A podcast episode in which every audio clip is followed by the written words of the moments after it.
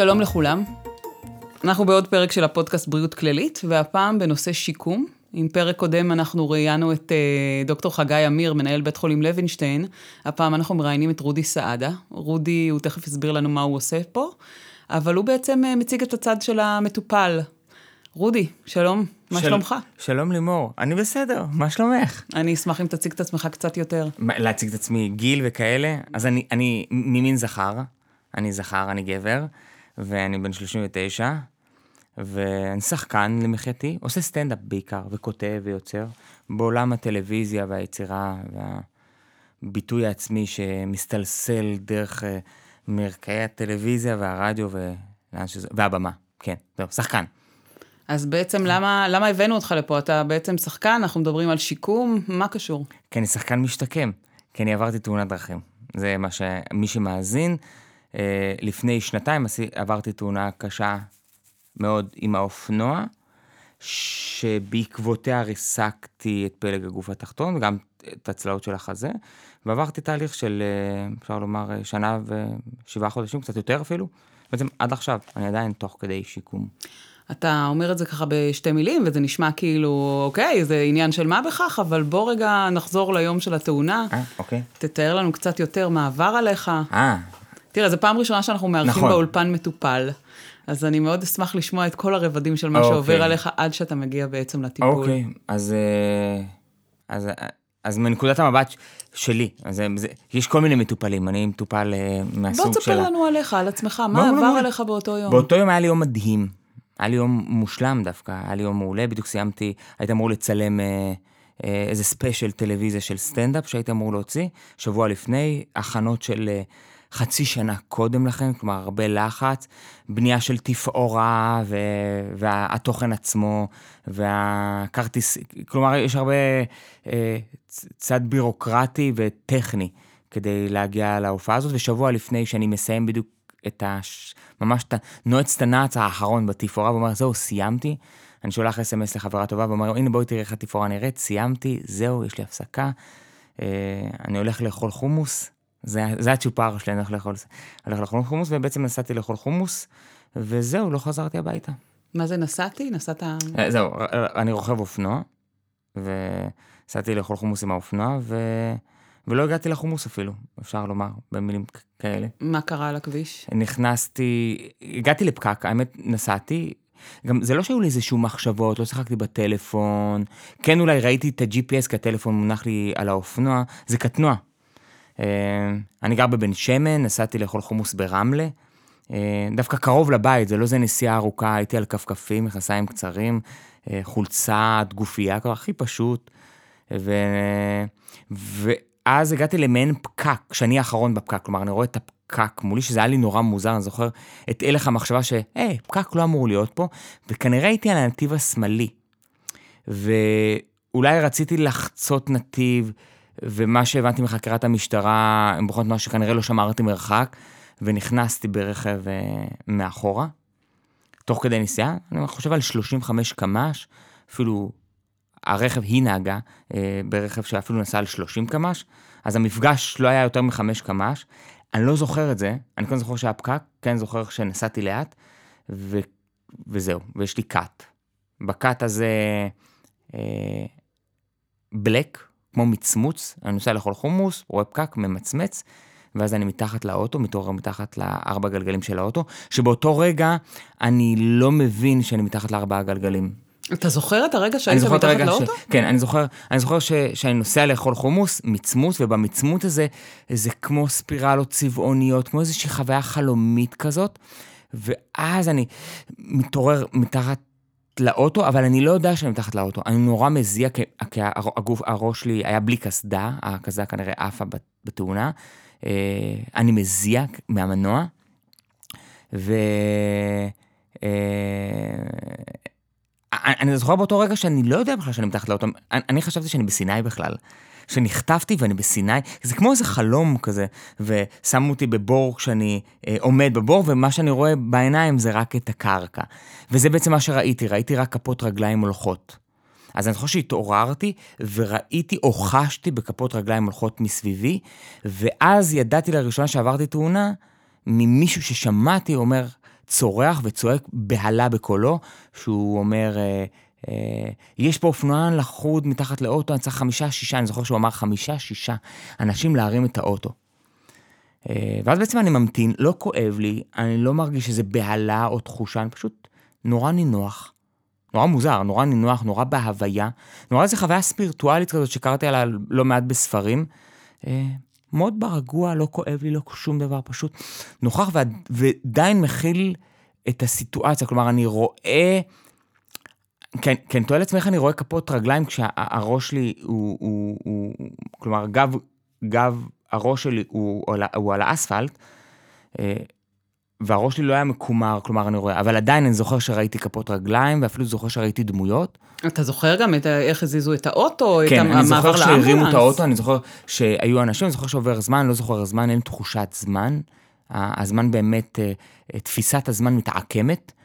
אה, זה מרגיש אבל מאוד נינוח ושלב, ואז אני מרגיש שהאוטו מרימים אותו על, על שני גלגלים, כאילו, כלומר, על, על הדופן שלו, ואז אור פורץ, מישהו תופס אותי בעורף, בחולצה בעורף, וגורר אותי על האספלט ושם אותי על השוליים, כשמה שעובר לי בראש זה אסור להזיז בן אדם. אבל אני לא יכול לבטא את זה, וכאילו אין לי כוח בגרשיים לומר לו את זה, אני פשוט פשוט כמו בובת סמרטוטים כזאת שמונחת, אבל נורא מודעת. אבל בשלב של הגרירה אתה מרגיש כאב? לא, לא מרגיש כלום. ואז מניחים אותו, נשמע את האוטו נופל, כאילו עוזבים את האוטו, פאם, נופל. אה, ואז אני מבין שעשיתי תאונת אופנוע. אני לא מבין את החומרה של המצב. אה, אני מסתכל על הרגל, אני מצליח להרים, רואה שהכל בסדר, אין דם, אין כלום, לפחות ממה שאני זוכר. ואז אני זוכר שחם לי. זה, התאונה קרתה ביוני 2018, קיץ, שעה שלוש וארבעים, השמש חצתה את מרום השמיים, היא חמש שעות לפני שקיעה, כלומר עדיין חם, יוני, האספלט צורף, זה כמו לעשות תאונה על מחבת, ממש ככה. זה הסיוט, זה ה... ואז את זה, זה הרגשתי, הרגשתי את, ה, את השריפה של הגב שלי, תחשבי שאני עם קצר, וגופייה, ואני חם לי, ואני זוכר שאמרתי חם לי, חם לי, וביקשתי מאיזה מישהו, אמרתי לו, בבקשה תעשה לי צל. ואני זוכר אותו עומד ועושה לי צל, ואז, ואז אולי באותו רגע הסתכלתי על הרגל וראיתי שאין כלום, ואז הרגשתי כאבים באזור הברך, ובחזה שאני לא מצליח לנשום, ואני אומר, חבר'ה, אני לא נושם, אני לא נושם, אני לא נושם, קאט. זה היה מתעורר אחרי חמישה ימים. זהו, איבדת הכרה בעצם. עד עכשיו לא, שאתה מתאר את זה? לא, הם אומרים לי שלא. בדיעבד הם אומרים לי שלא, שדיברתי איתם כל הנסיעה ודיברתי איתם והכל, לא זוכר כלום. מבחינתי יש נסיעה לחומוס, מצמוץ מתחת לאוטו, מצמוץ אני בבית חולים אחרי... אחרי חמישה ימים בעצם אתה מתעורר. כן, לראשונה אני מתוודע, זה לוקח, זה, זה התעוררות כזאת, לא התעוררות, זה התעוררות פלורוסנט, אני קורא לזה כזה, מצמו, לוקח ברמת הימים והשעות, כלומר, אתה מתעורר ונוסג, מתעורר ונוסג, עד שאתה לרגע מתאפס במציאות, כמו ילד, או כמו שאת זוכרת שהיינו מתעוררים פתאום ביום שבת, ומתארגנים ללכת לעבודה או לבית ספר, ואתה קולט שיום שבת, כלומר, או שישנת יותר מדי זמן צהריים ואתה לא יודע מה השעה ואיזה יום היום. אתה לא באוריינטציה למה שקורה לסביבה. כן, לא, ב- לסביבה, לזמן ולטיימינג, ואותו זמן שאני מתעורר, באמת אני זוכר את זה, שאמרתי, טוב, יש הופעה, ואמרו לי, לא, הייתה. ואני לא מבין, יש הייתה אמורה מצ... להיות הופעה? הייתה אמורה להיות uh, הופעה רשמית. במהלך החמישה ימים האלה לא, שאתה uh, היית... לא, יומיים אחר כך. אוקיי. Okay. והייתי אמור להצטלם לסדרה יום אחרי, כלומר, נסעתי לכל חומוס גם לעבור על הטקסטים, וגם כזה להשתחרר, כדי, יש לי יומיים צילומים לסדרת ילדים. אני משתתף בהצג... בסדרות ילדים ובהצגות ילדים, ובאותו רגע אמרו לי, לא, אתה פה הרבה זמן, זה... אבל בוא רגע נחזור לחמישה ימים האלה, כי אתה מתאר את זה, את זה כלא כן, לא כן. נוכח. כן, מצמוץ. אבל, אבל בעצם הוגדרת כפצוע קשה, כן. עשו לך ניתוחים במהלך ה... 아, כן, כן. אז בוא תספר לנו קצת על זה. אה, אני, אני לא זוכר מה היה שם, אני חושב שאני מתקבל אה, למחלקת אה, טיפול נמרץ. הם אומרים שאני בהכרה, כי אני קראתי קצת את ה... אני בהכרה. אין לי מושג, לא זוכר כלום. אני זוכר שאחר כך ביקשנו ללכת ולראות את כל המסלול, ואמרו לי, אתה זוכר את זה? וזוכר, ואיך הרגשת פה? לא זוכר כלום, אין לי מושג. כלומר, המוח עשה איזשהו מיוט. אה, במהלך החמישה ימים אני עובר כמה ניתוחים, אחד אה, אה, החזה, שברתי שלוש צלעות, אז הכניסו לי סוג של צינור לחזה, אני נושם דרך החזה, מן הסתם אירועים, אינפוזיות, ואני מתואר מלא, אני מחובר עם כבל תת-ימי לגוף, עם כל מיני אינפוזיות, זה שש. אינפוזיות, כן, וטיובס לגרון כזה.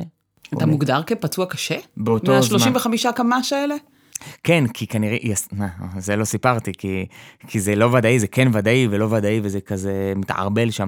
היא, נכנסתי בה מאחורה, אה, נפלתי, והיא כנראה נבהלה, ומשיחה שעשה עם אח שלי מוריס, אה, היא, היא חשבה שיש פיגוע.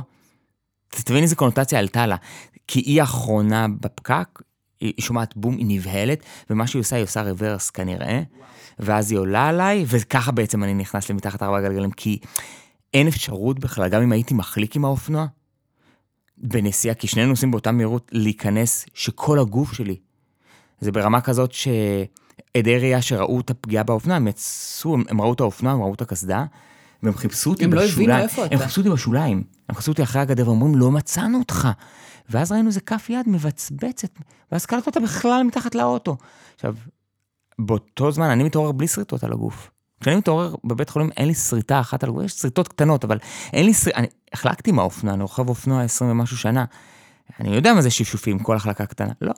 כנראה נכנסתי בה, נפלתי, עשתה רוורס, ואז מה שקרה, עיקמה לי את הגוף ושברה לי בעצם, אה, אה, ריסקתי את עוד מעט נגיע לפציעה עצמה, אה, אבל בעצם מה שקרה, הרוורס בעצם פגע בי, עיקם אותי ונמצאתי מתחת לאוטו. אוקיי, אז בוא נדבר על הפציעה עצמה בעצם. הפציעה עצמה, אה, ירך שמאלית ריסקתי אותה לחלוטין. גם בצילומים זה מדהים לראות מריסוק. כי שבר זה נורא, כי אתה רואה כזה קו על עצם, ריסוק אתה ממש רואה ממש אה, אה, כמו ניפוץ של זכוכית כזה, כמו שאנשים מתחתנים ומוספים את השברים של הזכוכיות, אז אתה רואה את זה כצילום, אתה ממש רואה ריסוק.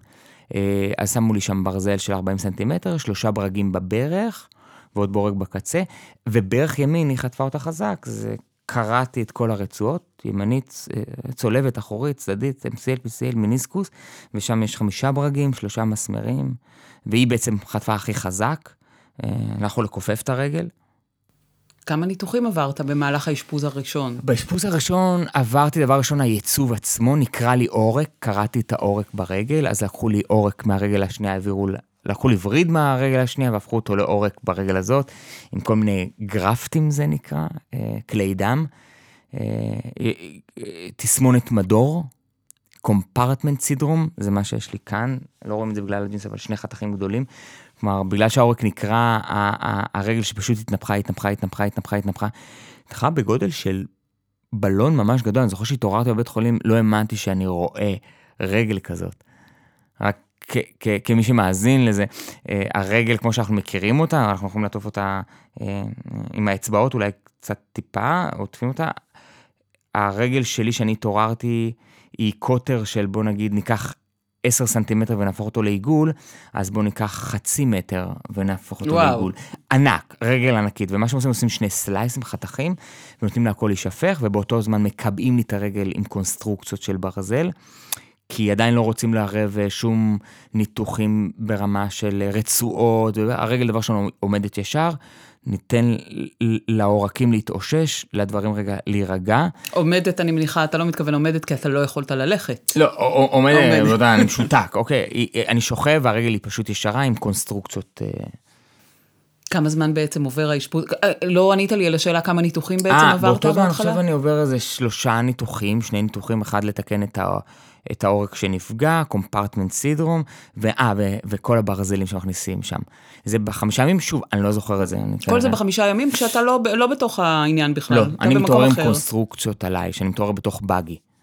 כמה זמן בעצם עבר האשפוז הראשון מהרגע התאונה? עד, ש... עד, ש... עד שהשתחררת בעצם למוסד השיקומי? למוסד השיקומי, אה, אה, חודש וחצי. ובמהלך החודש וחצי הזה? עשיתי עוד ניתוח אחר כך. הייתי שבועיים ככה, בוכה את מר גורלי, ואז מתכונן לניתוח הבא, שזה אה, שחזור רצועות. אה, תרומת איברים, משתילים לי ארבע רצועות, לא זוכר, משתילים את כל הרצועות, ממש תופרים, ואז זה עוד יותר מתנפח, ומרגע זה אני מתאושש עוד שבוע מהניתוח הזה, ואז יוצא לשיקום, אה, כשאני על, אה, על מיטה עדיין, לא על כיסא גלגלים בכלל. זאת אומרת, העבירו אותך באמבולנס. אה, באמבולנס, הכל באמבולנס. אבל בוא נדבר רגע על, עדיין נתעכב על החודש וחצי. שהיית בבית חולים, אני מניחה שהיית במחלקה האורתופדית. אתה מרגיש באותו רגע ואתה מפנים שבעצם אתה לא יכול ללכת, אתה מרותק למיטה, הכל כואב. מה קורה לנפש בתוך הסיפור הזה? וואו, זה, זה הכי קשה. אצלי זה כל כך, זה תופס אותי בנקודות קטנות, זה, זה גם זה גם מאוד מופשט, כי נפש זה דבר מופשט, ועם זאת גם, אני גם, זה נורא ברור לי, ואני אשתדל שאני במילים אצליח לנסח ולמלל את זה בצורה נכונה. אני מתעורר מתוך, דבר ראשון, מבחינה נפשית, אני אמור לעשות הופעה שהיא מאוד מאוד חשובה לי, אני מושקע בה. אני מושקע בה 100 אלף שקל, זה לא אה, הופעת סטנדאפ, אני מושקע בזה, מעבר לזה קהל שקונה כרטיסים, ו... אנחנו מדברים על ההופעה שהייתה אמורה להתרחש בעצם באזור השבעה ימים, שבוע אחרי הניתוח? כן, כן, כן, זה שבוע לפני ההופעה, אני עובר את התאונת דרכים. סליחה, שבוע אחרי התאונה? בדיוק, שבוע אחרי התאונה אני אמור לעשות את ההופעה. אה, אז אני מדבר על זה משרד כרטיסים, זה חמש מצלמות, זה משאיות, זה תפאורה, זה, זה 26 איש שאני אני שולט על זה, ואני הייתי מפיק של זה. אז לקח לי חצי שנה וערכתי את זה ובניתי ויצרתי ועשיתי מהובלות של תפאורה לכל מה שאני יודע את זה. אבל רגע, יש משהו שאני לא מבינה. בעצם אם אתה אומר שאתה היית אה, לא בהכרה חמישה ימים, וההופעה נגיד היא יומיים אחרי שאתה מתעורר, אני מניחה שאתה לא ישר מתעורר, קופץ נכון, מהמיטה ואומר, וואו, נכון. אני צריך לבטל וזה ואת כל ה-26, יש לי אחים, ולמזלי, בגלל שבסטנדאפ אנחנו אולי זאבים בודדים על הבמה, אבל ביחד אנחנו די קומונה באיזושהי צורה. אם מישהו צריך עזרה, אה, הוא יכול לקבל מחבר, וזה כל כך כיף לדעת את זה. ובגלל שאני מופיע במועדונים ותחת מרתונים, והסטנדאפיסטים הם החברים הטובים שלי. הם החברים שלי, אותם אני פוגש ביום יום, והם מעצבים את מי שאני, ואני מעצב את מי שהם, וגם הקומדיה והיצירה.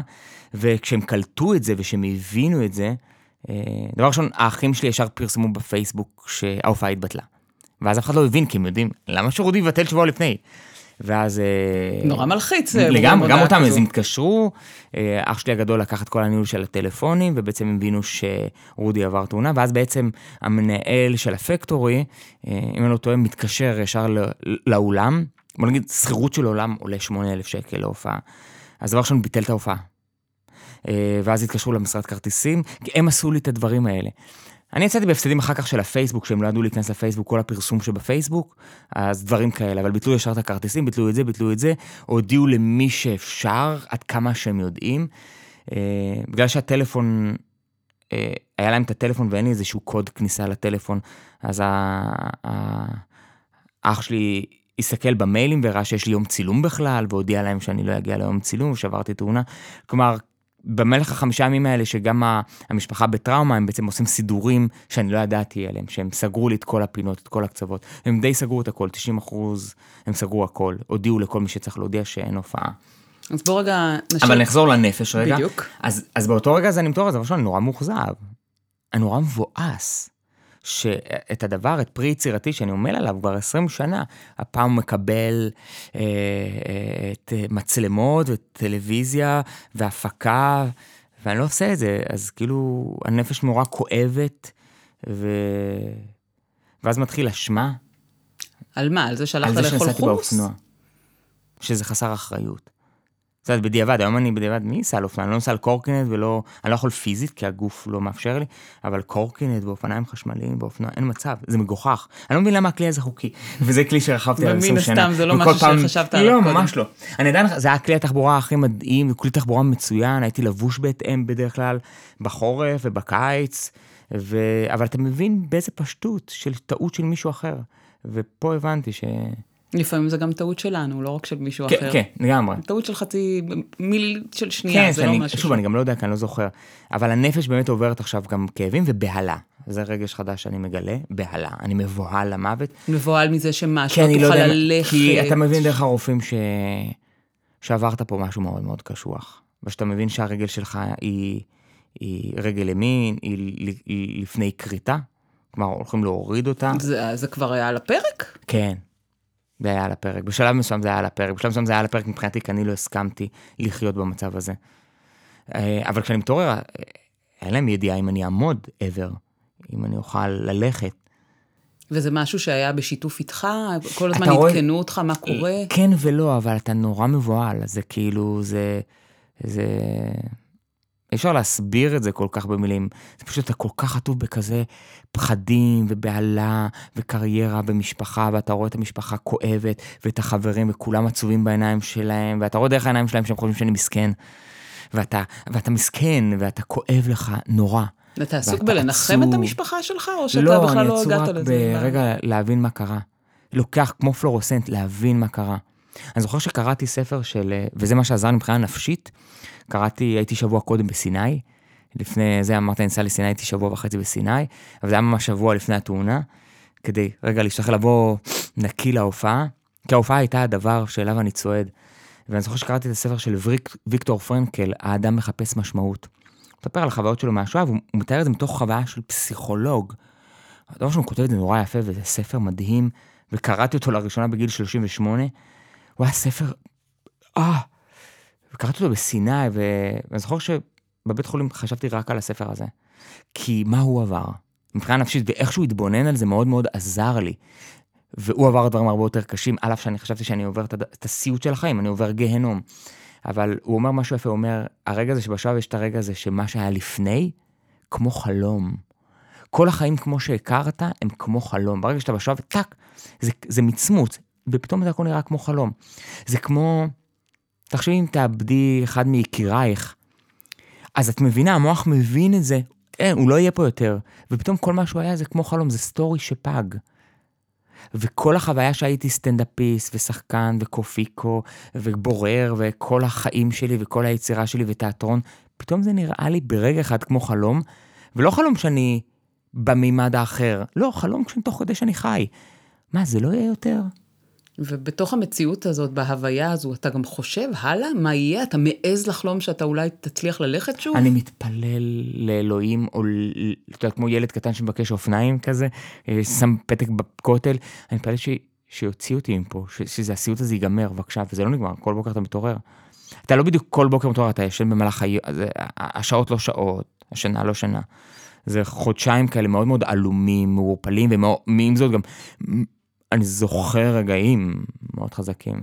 מכינים אותך לזה שבעצם אחרי התקופה של האשפוז, ואחרי שיסדרו לך, בוא נגיד ככה, טכנית את הרגליים, יתחילו לסדר, אתה תעבור איזושהי תקופה של שיקום? אני לא יודע מה זה שיקום. אין לי מושג. אמרת שראיינת את אה, מנהל בית חולים... את מנהל בית חולים לוינשטיין, אה, זה הפרק הקודם, אז נכון? אז אני זוכר שהלכתי בכיתה י"ב ללוינשטיין, כחלק מהתיאוריה בקיבוץ, שגדלתי בקיבוץ, כדי, אה, כדי כדי שניסע בזהירות, אז הם לקחו את כל הכיתה לבית חולים לוינשטיין כדי לראות את הפצועים, כדי להשריש בנו מה זה יכול להגיע. לא שזה עושה את העבודה שלו, ובעיניי זה נורא ואיום לעשות את זה לילדים בני 18, 17, 15, בכיתה י"א-ב' כזה. אבל אני זוכר שלא ידעתי מעבר לזה מה זה שיקום. אין לי מושג, תחשבי על זה, זה... לא ידעתי שקיים דבר כזה. אני חשבתי שמישהו עובר תאונת דרכים, הוא בבית חולים וחזר. נכון? כאילו, אתה אומר, אה, אה, הייתי בבית חולים, חזרתי, נכון? לא ידעתי שיש דבר כזה שיקום, ומה זה שיקום? מה, אתה ישן שם? שלוש ארוחות ביום? אה, הם מקלחים אותך. אה, גם אתה עושה קקי גם לא לבד, הם עושים לך את ה... כאילו, לא ידעתי שזה קיים בכלל, כלומר, נפתח לי עולם מלא של מילים, אסוציאציות, אה, מונחים, ריטואלים, התנהלות, סדר יום, שלא חשבתי שקיים בכלל. באיזה מצב בעצם אתה יוצא מבית חולים לבית חולים השיקומי? מבחינה פיזית? מבחינה פיזית זה שאני שוכב, אני לא מצליח להתרומם, גם אם אני מתרומם, בוא נגיד, אה, מצב טיסה כזה, שהכיסא מכירה של הכיסא, שזה מצב טיסה וזה מצב, אה, זה מצב מנוחה, שזה אותו מצב, זה רק עניין של חמש סנטימטר, אז את החמש סנטימטר אני מצליח להגיע לאיזשהו, אני מרים, לא ל-90 מעלות אפילו עם הגב, אבל בעיקר אני שוכב, אה, לא מצליח לעמוד, גם ש... לא מצליח לז... אני חושב שזה יהיה... שוב, אני מנסה לקחת תקופה ולחבר את זה למספר דקות ולמספר מילים. כלומר, הניסיון רק לעמוד, לתת לגוף להיות במצב ישר, עומד, לתת לכוח המשיכה, לתת דם לרגליים. אני חושב שניסו את זה פעם אחת, רק הוזיזו לי את הרגליים, טיפה הורידו באיזה חמש סנטימטר מהמיטה, רק לתת זרימת דם. לא הצלחת. איבדתי הכרה כמעט. וואו. זה היה לי קשה. אז אני מגיע לבית חולים כשאני על אה, כיסא, על, אה, על על, אה, במצב מיטה. על אלונקה בעצם, אלונקה, אתה במצב כן. מאוזן, כן, אתה כן, מגיע כן. לש, לשיקום, לשיקום במצב מאוזן, כן. כשבעצם, אוקיי, אתה לא מכיר בכלל את המונחת ואתה מגיע לבית חולים שיקומי, מה, עם מה מתחילים לעשות שם? אתה הרי לא עומד, מה, מה עושים? דבר ראשון, הם uh, מצמידים לכיסא גלגלים, שזה היה מה זה כיף. אומר, אה, יש עוד אלטרנטיבה, לא ידעתי. כי אין נראה לי בבתי חולים כיסא גלגלים. אז, uh, אז, אז, אז ישר הם מביאים אותי ל, לכיסא גלגלים, אומרים לי זה כיסא גלגלים, אה, אני יכול לשבת? וזה, נורא מעייף פתאום לשבת. אה, אבל אתה מבין דבר שהגעת לבית, זה כמו בית אבות. שוב, אני, אני לא יודע את זה, כי ראיתי את אבא שלי בשיקום, לא ידעתי שזה השיקום הזה. אה, אבא שלך בשיקום גם אחרי תאונת גם דרכים? תאונת אופנוע די דומה לשלי באיזושהי צורה. כן, אנחנו, במשפחה אנחנו אוהבים. אופנועים, ודי, או- גנטי וגם אותה פציעה באיזושהי צורה. כן, נראה לי באותו רגל, לא יודע אם באותו רגל. אז אני מגיע, וזה, את יודעת, יש את הקבלה, יש את החדר אוכל, יש אנשים, כולם על כיסא גלגלים ואוכלים. אתה מגלה שהגעת לאזור חדש, במימד חדש, ואתה לא יודע כמה זמן אתה הולך להיות שם. וכל מה שאתה שואל אותם, כמה זמן זה ייקח? אנחנו לא יודעים. מחר פיזיותרפיסט יפגוש אותך, ותתחילו לדבר, ואז זה באמת... אה, יש איזשהו שינוי מהרגע שאתה יוצא מבית חולים ואתה מגיע אה, בעצם אה, לשיקום, יש איזשהו שינוי בחשיבה, בתקווה. כן. אתה בעצם, הפרדוקס הגדול הוא שאתה בעצם, התפקיד שלך, הייעוד שלך זה להצחיק אחרים, ואתה בעצם עכשיו כל כך כן. כואב ועסוק בעצמך. מה השינוי שחל בך מהרגע שאתה השינוי- יוצא מה, מבית החולים? בוא נתחיל ברמת? המילים. כאילו, בר- זה בית חולים. אין, זה... אני חושב שקראו לו מרכז רפואי, אבל זה בית חולים. וכשאתה מגיע לשיקום, קוראים לו שיקום. בעצם המילה טמון כוח מאוד מאוד גדול. אני מאוד מאמין במילים, אני מאוד מאמין בתדרים כאלה. זה גם הסיבה שאני יכול לשבת איתך ולדבר ולשים רגל על רגל, ולהגיע לפה באוטו וללכת ולהופיע. אה, אה, גם מהשיקום, אבל גם דרך המוח והמילים, ואם ניכנס לזה, זה נראה לי מקום יפה של שיקום. אבל כשאתה מגיע מבית חולים ל, ל, לשיקום, הבית חולים הוא state of mind. זה state of mind של בית חולים, אתה חולה. זה, זה כל כך אולי סמוי מן העין, אבל כמה מילה, זה, אני מרגיש את זה, אני יודע את זה מנקודת מבט של מטופל, אני יודע את זה. הייתי בבית חולים, הרגשתי חולה, וכשהגעתי לשיק, לשיקום אז הם קראו לי מטופל. הו, זה כבר מילה אחרת, זה מוסד שיקומי. זה לא בית חולים, זה מרכז שיקומי. זה, זה פתאום המילים הפכו את זה להרבה יותר נינוחות. פתאום זה החדר של שניים, זה פתאום... גם ראיתי את הגישה שלהם, ראיתי אותם מחייכים, הם היו הרבה יותר רגועים ונינוחים, וזה בקצב הרבה יותר איטי ולגיטימי, בבית חולים הקצב הוא נורא מהיר, אתה על, שנייה יכול למות פה. הדברים נורא צריכים להיות בטיימינג. הגעתי למשהו יותר פלואו, יותר איטי, יביאו לך ארוחת צהריים, מה אתה מבקש? הכל היה נורא לאט, ופתאום זה נתן איזו תחושה כזאת של, או הגעתי לאנשים שיודעים את העבודה שלהם. תראה, אני מאמינה, דיברתי עם דוקטור חגי אמיר, כל האנשים שעובדים בעצם אה, בשיקום, הם אנשים שמטבעם גם רואים את האור בקצה המנהרה, וגם יודעים שהתהליך הוא מאוד ארוך, והם לא מחכים לתוצאות כאן ועכשיו. יש להם את האורך רוח ואת הסבלנות נכון. הלאה. זה משהו שהקרין גם עליך. הייתה לך יותר תקווה כשהתחלת שם את השיקום? אז, אז תראי, בגלל שאני מגיע מעולם של תיאטרון, אני, אני תמיד עושה מעין שעטנזים כאלה. אני, אני לוקח מפה ולוקח מפה ומאחד כדי להצדיק, לעשות רציונליזציה למשהו, מה הכוונה? אני יודע בתיאטרון שכל הצגה שאת רואה, יש חודשיים, שלושה, ארבעה חודשים של חזרות, והכל מתחיל מקריאה של טקסט, יושבים סביב שולחן עגול וקוראים טקסט. ההבדל בין איך שהם קוראים, איך שאנחנו קוראים את הטקסט לאיך שההצגה נראית, שמיים וארץ, אבל אתה יודע שיש מה שנקרא פרוסס, תהליך. כשאני עושה הופעת סטנדאפ, אני יודע שהבדיחה הולכת לעבור תהליך. אז ידעתי שלכל דבר בחיים יש, אני זוכר את זה על כל דבר, גם לב שבור, נשבר לי גם הלב. הוא, הוא לא רחוק מנשבר לי הברך. וידעתי שהזמן מרפא, וידעתי שלכל דבר בחיים יש התחלה, יש אמצע ויש סוף. אם זה סרט קולנוע, אם זה למפגש של הפודקאסט שאנחנו חווים, יש התחלה, יש אמצע ויהיה גם סוף לדבר הזה. ואלה דברים שנטמעו בי, כי חתמתי אותם ממש, אלה דברים שליקטתי במהלך החיים, עיגנתי אותם, בעיקר לקומדיה וליצירה שלי, וזה למה אני אוהב את היצירה שלי, כי היא עזרה לי גם בריפוי, לקחתי משם מלא. אז ידעתי את מה שאותם משקמים ידעו, שיש תהליך. אתה לאו דווקא יודע את התהליך, את המרחק שלו, אבל אתה יודע שיש עונות של זריעה, ויש עונות של קציר, ויש עונות של, של גשם, ויש עונות של בצורת ושממה באופק. אם זה ברמה יצירתית, ואם זה ברמה גם של הגוף והנפש. אז כן, כשהגעתי שם, כן אמרו לי, תקשיב, זה תהליך. וכשאמרו תהליך, זה התחבר לי נורא לפרוסה, אמרתי, אוקיי, בסדר, אם אני יכול לראות את הדמות שלי בסדרה, אני יכול לראות את רודי משוקם ויציב לאורך זמן, ומה זה דורש ממני. ידעת שתלך כשהתחלת את השיקום? חלמתי על זה. אני זוכר שהתקשרתי למורה שלי ליוגה, ואמרתי לה, דבר ראשון הבנתי שדמיון מודרך זה מאוד מאוד חשוב. ידעתי שהריפוי שלי יהיה ריפוי אחרת מכל הנוכחים שאני מכיר. כל יום הייתי הולך לישון עם מדיטציה, עם תדרים, הייתי שם frequency ביוטיוב, ושומע פשוט תדרים, תדר של ריפוי, תדר של healing, כי אני מאמין בתדרים כמו שאני מאמין במילים. עשיתי דמיון מודרך, הייתי רץ כמעט כל יום לפני התאונה, 11 קילומטר, 10 קילומטר בשעה וקצת, במושב, אז ממש רצתי את המסלול בראש, פשוט רצתי. אני זוכר אבל שאחרי איזה 100 מטר כבר המוח שלי גלש לפחדים. ואני לא אוכל לעשות את זה עוד. ו... כי המוח שלך רץ, קשה להתמיד בדמיון. ואני זוכר שדיברתי עם המורה ליוגה, אמרה לי, תעשה פעמיים בשבוע אה, יוגה בראש. את כל התרגילים, תראה, תמתח את הגוף, תעשה תנוחת הכלב, תעשה תנוחת האצן, תראה תנוחת הלוחם, תדמיין את השיעור, תעשה אותו לאט לאט את האסנות.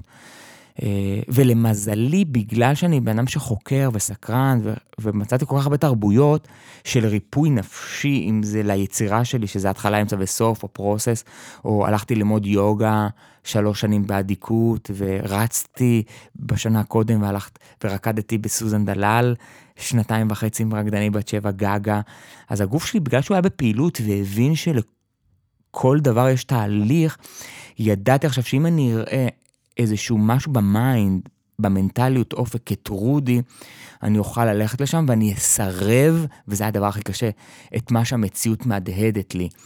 והקונפליקט הזה בין מה שהמציאות מהדהדת לי, שאני עכשיו משותק, לבין זה שאני חולם בהקיץ, מאוד מבלבל, מאוד כואב, מאוד מתסכל, כי אתה חולם על משהו ואתה נורא רוצה, אבל בריל טיים מישהו מאכיל אותך ומנקה לך את החור של התחת.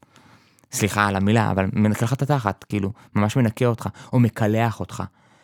ואתה רק, רק בוכה, וזה כל כך מעורבב, וזה כמו חלום, כזה, כל מיני... נגעת בזה קצת, אבל כן הייתי רוצה שנתעכב על זה קצת יותר, שבעצם לקחת דברים מתוך הקומדיה כן. לתהליך הריפוי בטח, שלך. בטח, וואו. לא אני חייב לקומדיה את החיים שלי, באמת, באמת. אה,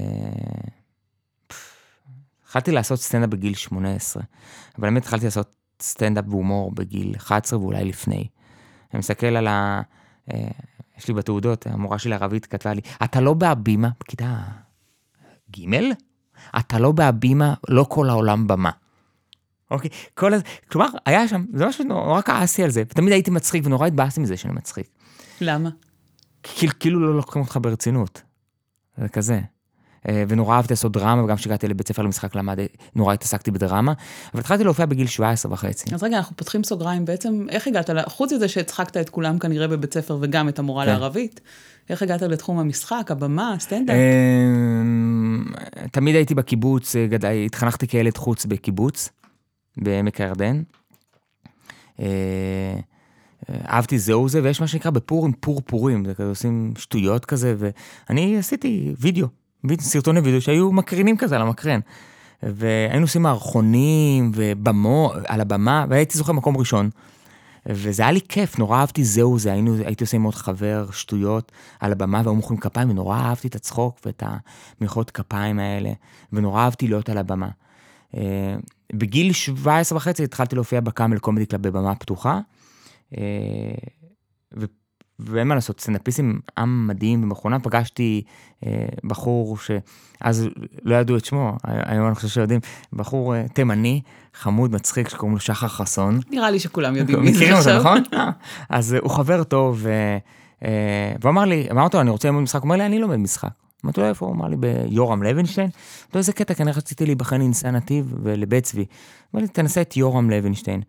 בעצם אמרתי לו, אבל איזה מונולוגים אני עושה? אמר לי, בוא, אני אתן לך את המונולוגים ותבוא. ונבחנתי לניסן וליורם, לבית צבי בסוף לא, בסוף התקבלתי ליורם לוינשטיין, ובעצם למדתי שנה שנה מתחת לשחר, אז היה לי כיף שיש לי חבר שאני עושה איתו סטנדאפ, ו- ו- והוא לומד איתי משחק שנה מעליי, אז במשך שלוש שנים כזה נפגשנו והיינו, ו- וככה גיליתי את העולם של המשחק, והתחברתי למשחק בטירוף. Uh, הייתי ילד בור, אפשר לומר, ברמה הזאת של התיאטרון. לא ידעתי מה, מי זה חנוך לוין ומי זה שייקספיר, וידעתי אנטיגונה כי למדנו, או סופוקלס, או מחזאות יוונית, אבל ונורא רציתי להיות מפורסם, פחות רציתי להיות טלוויזיה, לא ידעתי תיאטרון. אה, אבל אתה מתחבר ופתאום אתה מתאהב באיזשהו עולם נורא מאוד מאוד עשיר ב, ב, במילים, אבל גם באינטראקציות ובדמויות וב, ובמטרות ובמכשול ובמה אתה רוצה ומאיפה אתה מגיע, ועולם שמפתח אותי. אפרופו דמויות, יצא לך פעם לשחק, לפני התאונה מן הסתם, לשחק פצוע, או... כן, אה, בטח. אה, חודש פצוע, לפני התאונה שיחקתי פצוע של תאונת דרכים מאופניים. או-אה. כן, ה- הבמאי של קופיקו זה היה של קופיקו, ושל קופיקו הוא, הוא, הוא, הוא, הוא, הוא בדיוק ערך, הוא אמר לי, הוא בא לבקר אותו בבית חולים, הוא אמר, תראה, אני בדיוק עורך עכשיו את הקטע שעברת אה, אה, תאונה עם האופניים, כי זה היה על, על, על, על, על בטיחות בדרכים של לשים קסדה וכאלה, זה היה קופיקו, היה משטרת ישראל כזה שם, ושיחקתי את אברום, שזה התפקיד שלי בקופיקו, אברום, הבעל של שושנה, והוא הוא עובר שם תאונה. אז כן, שיחקתי כמה פעמים כאלה פה ושם. אני זוכרת לקראת הפרק, כמובן שקראתי עליך המון, ואני אה, בעצם אה, זוכרת שקראתי שהיית בהצגה בפריקס, אה, הצגה שנקראת פריקס, נכון. והיית שם אה, גמד. נכון. בעצם לא השתמשת ברגליים שלך במהלך נכון, ההצגה. שיחקתי גמד בהצגה שנקראת, נקרא פריקס, שיחקנו אותה ביורם לוינשטיין בשנה ג' ואז זה זכה, והיינו בחו"ל, אז שיחקתי על הברכיים, משהו אגב שאני לא יכול לעשות היום כי אין לי כיפוף ברגל, אני לא יכול להיות על הברכיים. בעצם הייתה לך חוויה של אה, אין רגליים. אה, בערך, זה כן, לא, לא היה תחושה כזאת, אבל כן אני יודע לעשות פעלולים, הייתי יודע לעשות פעלולים עם כיסא גלגלים, לפני שהייתי על כיסא גלגלים. בגלל המשחק? בזכות המשחק? לא יודע, היה שם איזה פעם, היה, לא זוכר איפה פגשתי כיסא גלגלים בחיים שלי, וישבתי ואני יודע לעשות, להרים רגליים וממש להיות על, אני ממש יודע לעשות פעלולים עם כיסא גלגלים. מדהים, אני לא, לא, לא בטוחה שיש לזה ענף באולימפיאדה. כן. אבל, אבל רגע, אני, אני רוצה רגע להחזיר להומור שדיברנו, נכון, הגענו למשחק, הומור דרמה, ובעצם אמרתי לך שההומור הזה, ש- אני חייב לו את החיים שלי, כי... כי פתאום הבנתי שיש פה פילטר, הומור מרפא. אני יכול להגיד לך אתמול, שם כאב לי הלב מאיזה בחורה שפגשתי בסיני, ו... והיה, והיה, והיה לי יום רגשי כזה, ובכיתי אתמול, וקושי כזה, והלכתי לקאם לקומטיקל והופעתי. ואני זוכר שהגעתי הביתה וכתבתי, אני כותב כל יום בבוקר ובערב, אני, אני כל הזמן עוטף את החיים שלי סביב כתיבה, אני זוכר שכתבתי, אמרתי, איזה כיף זה ההומור, איזה כיף זה שאני מרגיש טוב עכשיו. כי מעבר לזה שפרקתי את התחושות והצחקתי אנשים, הם צחקו, ההומור מרפא אותי ברמות שזה בלתי נתפס, אי אפשר להסביר את זה, אבל זה באמת מרפא אותי. אנשים, זה תעשייה שמגלגלת מיליונים בכל העולם, מיליארדים. אנשים מוכנים לשלם 120 שקל, 150 שקל לבן אדם שיצחיק אותם. כאילו, כמה זה חשוב. שמישהו, צחוק, וצחוק עושה לך טוב, הרבה פעמים כשאני מסיים הופעה, מישהו בא אליי ואומר תקשיב, היה לי יום חרא, ו... והייתי בהופעה שלך, תקשיב, וואו, תודה. ו... ואני יודע את זה על אחרים, כשאני רואה איזה משהו מצחיק, ואתמול פשוט ראיתי אה, אה, סטנד, מופע, סט- שני מופעי סטנדאפ בנטפליקס, כי הרגשתי, היה לי יום מבאס, וראיתי שני מופעי סטנדאפ, כי רציתי להדהד את ההומור, כי אני יודע שהשרעפת והתנועה של השרעפת זה סוג של מסאז' פנימי לנפש, ואני יודע שהנפש משפיעה על הגוף, והפוך. ובעצם הקומדיה, שגיליתי אותה עוד אז, אבל לא ידעתי, טיפחתי אותה במשך 20 שנה, משנת 98 עד ל-2018, לתאונה, טיפחתי שם את אחד הכלים והפילטרים שבאמת מרפאים אותי ונותנים לי להסתכל על כל התאונה הזאת גם לא, באום, לא, לא ברצינות, אלא באמת קצת לצחוק על זה. לצחוק על הפציעה, לצחוק על המבוכה. כן, אתה מסוגל לצחוק עכשיו על לצחוק הנכות. על הפציעה? אתה מסוגל לעלות על במה ובעצם כמו לדבר על זה? גדול, בהופעה אני עושה את זה. אם תראי את ההופעה, ראית את ההופעה שלי? אתה צוחק, עוד לא? אני עוד- מבטיחה אה, להגיע. כן? עוד לא, אה, אתה בעצם, השאלה המתבקשת פה זה האם כשאתה כל כך כואב מבפנים, עדיין מסוגל להצחיק לא, אחרים? זה רק בדיעבד, זה משהו שלמדתי בסטנדאפ. לדוגמה, כתבתי קטעים על הצבא רק ארבע שנים אחרי שהשתחררתי. כלומר, ואז אתה יודע מה, אני יכול לצחוק על משהו רק בדיעבד. אני נוסע באוטו ומישהו מפריע לי או מציק לי, אז אני, אני, אני, אני מגיע הביתה, לוק... באותו רגע זה מעצבן אותך, אתה לא חושב איך אתה. תשתמש בזה אני- אני אגיד לך כקומדיה. משהו, שואלים אותי, איך, אתה כותב? מכעס. ממה אתה כותב? מעצבן, אני, מתעצבן. אני מתעצבן מזה שאני עומד בתור שלוש שעות לבנק הדואר. זה מטריף אותי שיש... ובאותו רגע אתה לא רואה את הפוטנציאל של זה? לא, אני רואה מלא, קו- לא, באותו רגע אני רק עצבני, אני רואה מלא קופות ורק קופאית אחת, כולנו מכירים את זה ואנחנו עומדים, למה אין עוד קופה? אז עכשיו זה מצחיק אותה, ועכשיו זה גם מצחיק אותי, אבל באותו רגע אתה עצבני, כי אתה ממהר, ואתה, ורק כשאתה מגיע הביתה ו- ו- ומעשן איזה שחטה, אז אתה פתאום מבין, אה, רגע, שנייה רגע, ברגוע, שני, ש- שנייה רגע.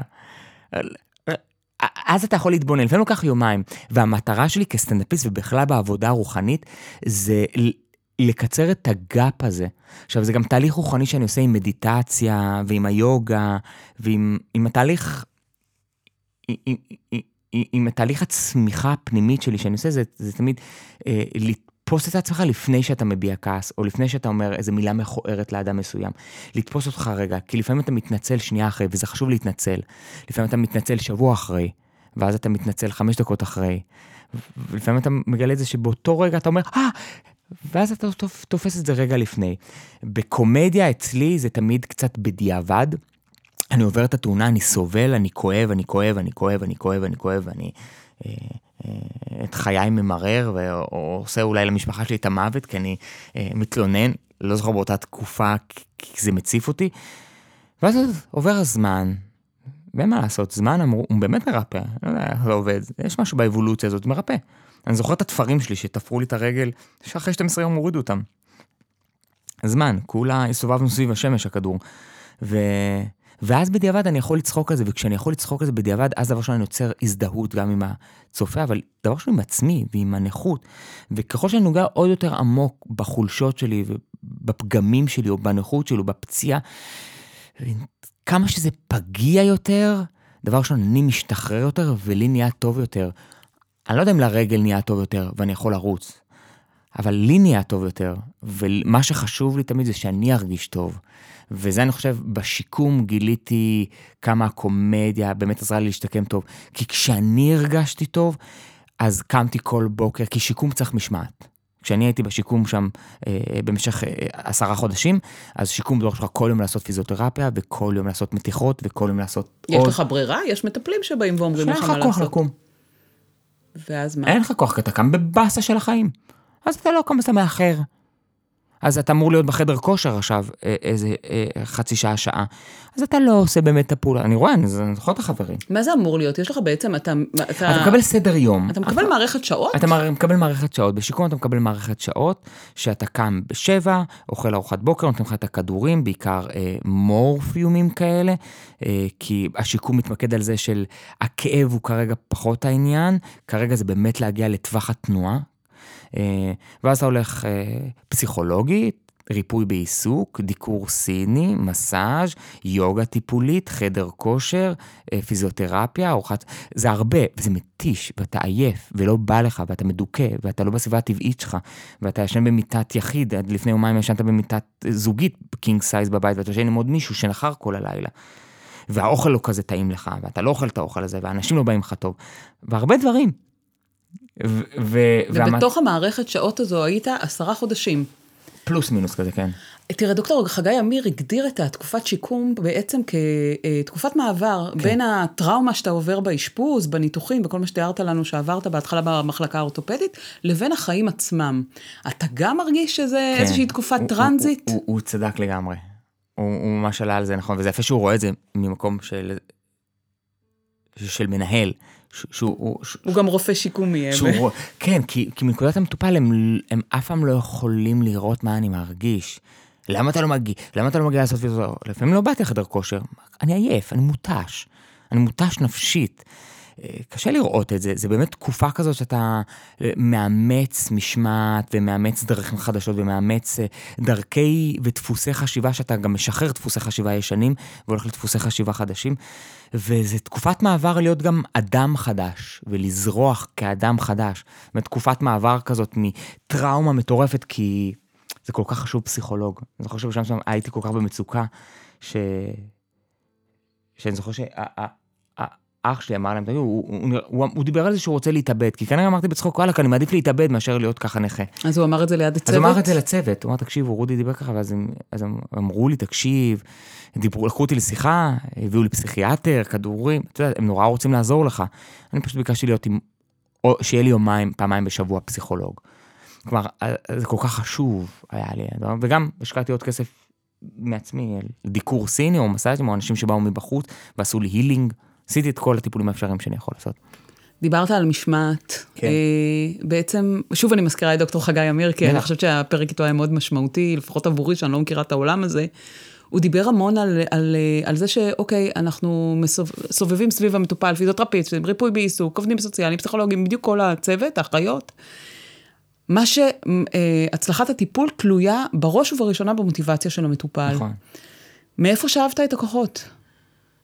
אתה היית בן אדם פעיל, רצת כל יום, אה, אה, אה, הייתה לך קריירה מפוארת, עדיין יש לך קריירה מפוארת, כן. אבל כשהכול מתרסק, מאיפה הכוחות האלה? מאיפה, למה לא להגיד לעצמך, אוקיי, אני פצוע קשה, עברתי משהו קשה, לא רוצה לי להשקיע, תנו לי לנוח מכל מה שעבר עליי. יפה, שאלה יפה, ואני חושב שצריך לחלק על לכמה צעדי תינוק בדבר הזה.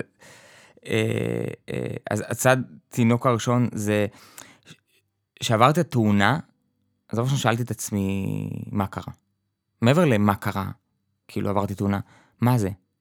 מה, מה זה? מה, למה?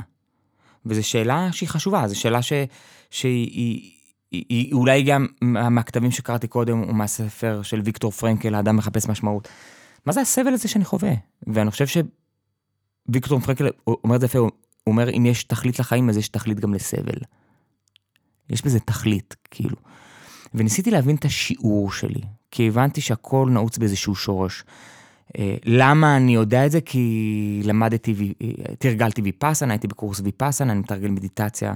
אה, התאונה הזאת פוגשת אותי שאני בשיא כושרי. אני רץ, אני רוקד, אני עושה יוגה, אני עושה ויפאסנה בבוקר, אני כותב, אני מופיע. בוויפאסנה הוא אומר, כל הבעיות שיש לנו נעוצות באיזשהו שורש, זה, הוא קורא לזה סנקרה, בהינדית, בהודית, סנקרה. ונורא רציתי לדעת, למה עשית את התאונה הזאת? מה זה? מה אני חווה? כי זה הייתה ממש כמו איזו תפילה לאלוהים. אני לא איזה אדם הכי מאמין בעולם, ואני מאמין ביקום ובריאה, זה לא תמיד אלוהים כזה עם אותיות או עם זקן, ועם מצוות עשה או אל תעשה. אבל כן היה לי את הכמיהה הזאת, כמו ילד שמתפלל ומבקש הלוואי, למי אני אומר את הלוואי הזה? לאיזה משהו מאוד מופשט וגדול ממני. ונורא רציתי לדעת מה השיעור, מה זה, למה, למה שבוע לפני, למה בשיא הקריירה? למה בפיק אתה עושה? למה? אז דבר ראשון הבנתי בצורה, אני, אני אענה על התשובה שלך כי, כי זה צדי תינוק כאלה. התשובה הראשונית הייתה, יש פה שיעור, לעצור. הייתי בתנועה, מה אני מספר לך? הייתי בתנועה מאוד מהירה, הייתי רץ כל יום. הייתי מאוד פעיל. יש פה, היקום אומר לי דבר ראשון, עצור. ואז אני אומר כזה ליקום, אה, בסדר, אני אלך לאט, לא, לא, לא, נשמה, תעצור. אה, סבבה, אני אשב. לא, לא, לא, אתה תשכב. דבר ראשון, תעצור. דבר ראשון, אני מסתכל על ההיבט, זה כנראה שלמדתי מבית ספר למשחק, על להתבונן, ואני עוסק בהתבוננות. דבר ראשון, מה קורה פה מבחינת החוויה? מה זה, מה זה החוויה? עזוב רגע, רודי ולהיכנס, רודי, עזוב, אל תשפוט את זה ואל תיכנס לדרמות הפנימיות. מה קורה פה? אין פה ספק שיש פה תנועה יקומית שאומרת, דבר ראשון, עצור. וזה משהו שאני זוכר על כל דבר, שפעם מישהו אמר לי, אם אתה נתקל באיזושהי בעיה ולא הולך לך, דבר ראשון, תעצור. תנשום, תתבונן, הפתרון יגיע. אבל דבר ראשון, מה זה? ואז הבנתי, דבר ראשון, תעצור. יש פה איזו תנועה כזאת שאומרת לך, עצור. אל תאשים את עצמך, אתה רץ מהר מדי, זה מה שחברים עצבנו אותי, שאמרו לי, זה בגלל שאתה רץ מהר מדי, זה בגלל שאתה מהיר מדי. אני לא אוהב את המהיר מדי. זה פשוט, יש פה עכשיו תנועה, ב... איך קוראים לתנועה הזאת? יש גל סינוס, יש גל קוסינוס, יש בתדרים. בגל התדר הזה, למעלה ולמעלה, למטה ולמעלה. אז כרגע יש פה תנועה כזאת שאומרת לך למטה, אל תשפוט את זה חיובי או שלילי, רע או טוב, למטה או למעלה. כרגע יש מקום שאומר לך לעצור ולהתבונן. ויש פה מתנה מאוד גדולה. בדיעבד אני יכול, איזה הזדמנות הייתה ניתנת לי שנה שלמה לשכב ולהתבונן על החיים שלי. ואני זוכר שקראתי את זה, את המשפט הזה שאני אומר לך את זה בטקסט של איזה מישהו שהיה פעם בכלא. איזה פרופסור אחד, איזה משהו ששם אותו בכלא על טעות, הוא, הוא היה כמה שנים, והוא כותב שם, איזה הזדמנות איפה הייתה לכם עוד הזדמנות פשוט לעצור הכל ולהתבונן. באמת להתבונן. ולא כי אתה ממהר להכיל את הילדים, ולא אתה ממהר כי יש לך שכר דירה. אין לי שום דבר. כאילו, יש, אבל זה לא מעניין אותי. השכר דירה לא מעניין אותי, החובות שלי לא מעניין אותי, הסטנדאפ לא מעניין, כלום לא מעניין אותי, למעט הרפואה שלי, הבריאות, וגם זה לא. אני פשוט עוצר ומתבונן. והלהתבונן זה להתבונן בשיעור. ובשיעור הזה, הוא מעניק לך בהירות תשובות, ובתוך זה גם מוטיבציה. ופה אתה מבין שיש מוטיבציה. אז ברגע שאתה מבין איזשהו שורש למה אני הייתי מהיר, נעצרתי. למה עצרתי? כי אני צריך, צריך לעצור ולהתבונן, אולי לחשב מסלול מחש... מחדש, או, או אולי לקחת לעשות את, הש... מה שדיברתי איתך, לקחת את כל השעטנזים של הכל, את היוגה ואת הריקוד ואת הסטנדאפ ואת ההומור ו- ו- ואת הדרמה ואת הריצה ואת הוויפאסנה ולאגד אותם עכשיו לריפוי ואולי לכתוב את הספר המטורף שאני כותב עכשיו, שזה, שזה איך לרפא את עצמך, אוקיי? משהו שחשבתי שיהיה ספר אחר על הפרידה מאשתי, פתאום יצא ספר אחר. אנחנו לא יודעים למה ומה הנתיבים של היקום, אבל כרגע אין ספק שהיקום, לא ההחלטה שלי, אומר לך לעצור, ואני מסיר שליטה זה ממש להוריד, לעשות כאילו להוריד לניוטרל, אני משחרר שליטה עכשיו, אני לא יודע מה לעשות, ואני רק מתבונן ומבין את השיעור שזה לעצור, וכנראה יש פה משהו עמוק בלעצור, ולעצור, כל אחד צריך בחיים לעצור, באמת. רודי, זה בדיעבד, או שאתה במהלך השיקום מגיע לתובנות האלה? זה תוך כדי, זה תוך כדי, תביני ש, שאני מתעסק בחומרים האלה. אני, אני, אני, אני, אני, אני, אני בן אדם שקם בחמש בבוקר ועושה מדיטציה של שעה, ואז כותב שעה, ואז עושה יוגה שעה, ואז רוקד שעה, ואז רץ שעה, ואז קורא שעתיים, ואז אני מתפנה לדבר עם בני אדם והעולם החיצון. חמש שעות מהיום שלי, אף אחד לא מדבר איתי, אני בשתיקה. תגיד. אומנם בדרך כלל זה שאלות שאני שואלת בסוף, אבל עדיין זה, זה בוער בי עכשיו. מה שאתה אומר, לפי מה שאני שומעת ממך, אני הגעתי מוכן לתאונה הזו. כי אני בן אדם מאוד רוחני, כי אני יודע להשתמש בסטנדאפ. מי שעובר את הדברים האלה, לא כולם אה, אנשים אה, כל כך מודעים, כל כך רוחניים. נכון. אז קיבלתי פה... אה, המודעות הזאת, היא... זה עלייה וקוץ בה, כי אתה גם מזמן קצת את הדברים האלה.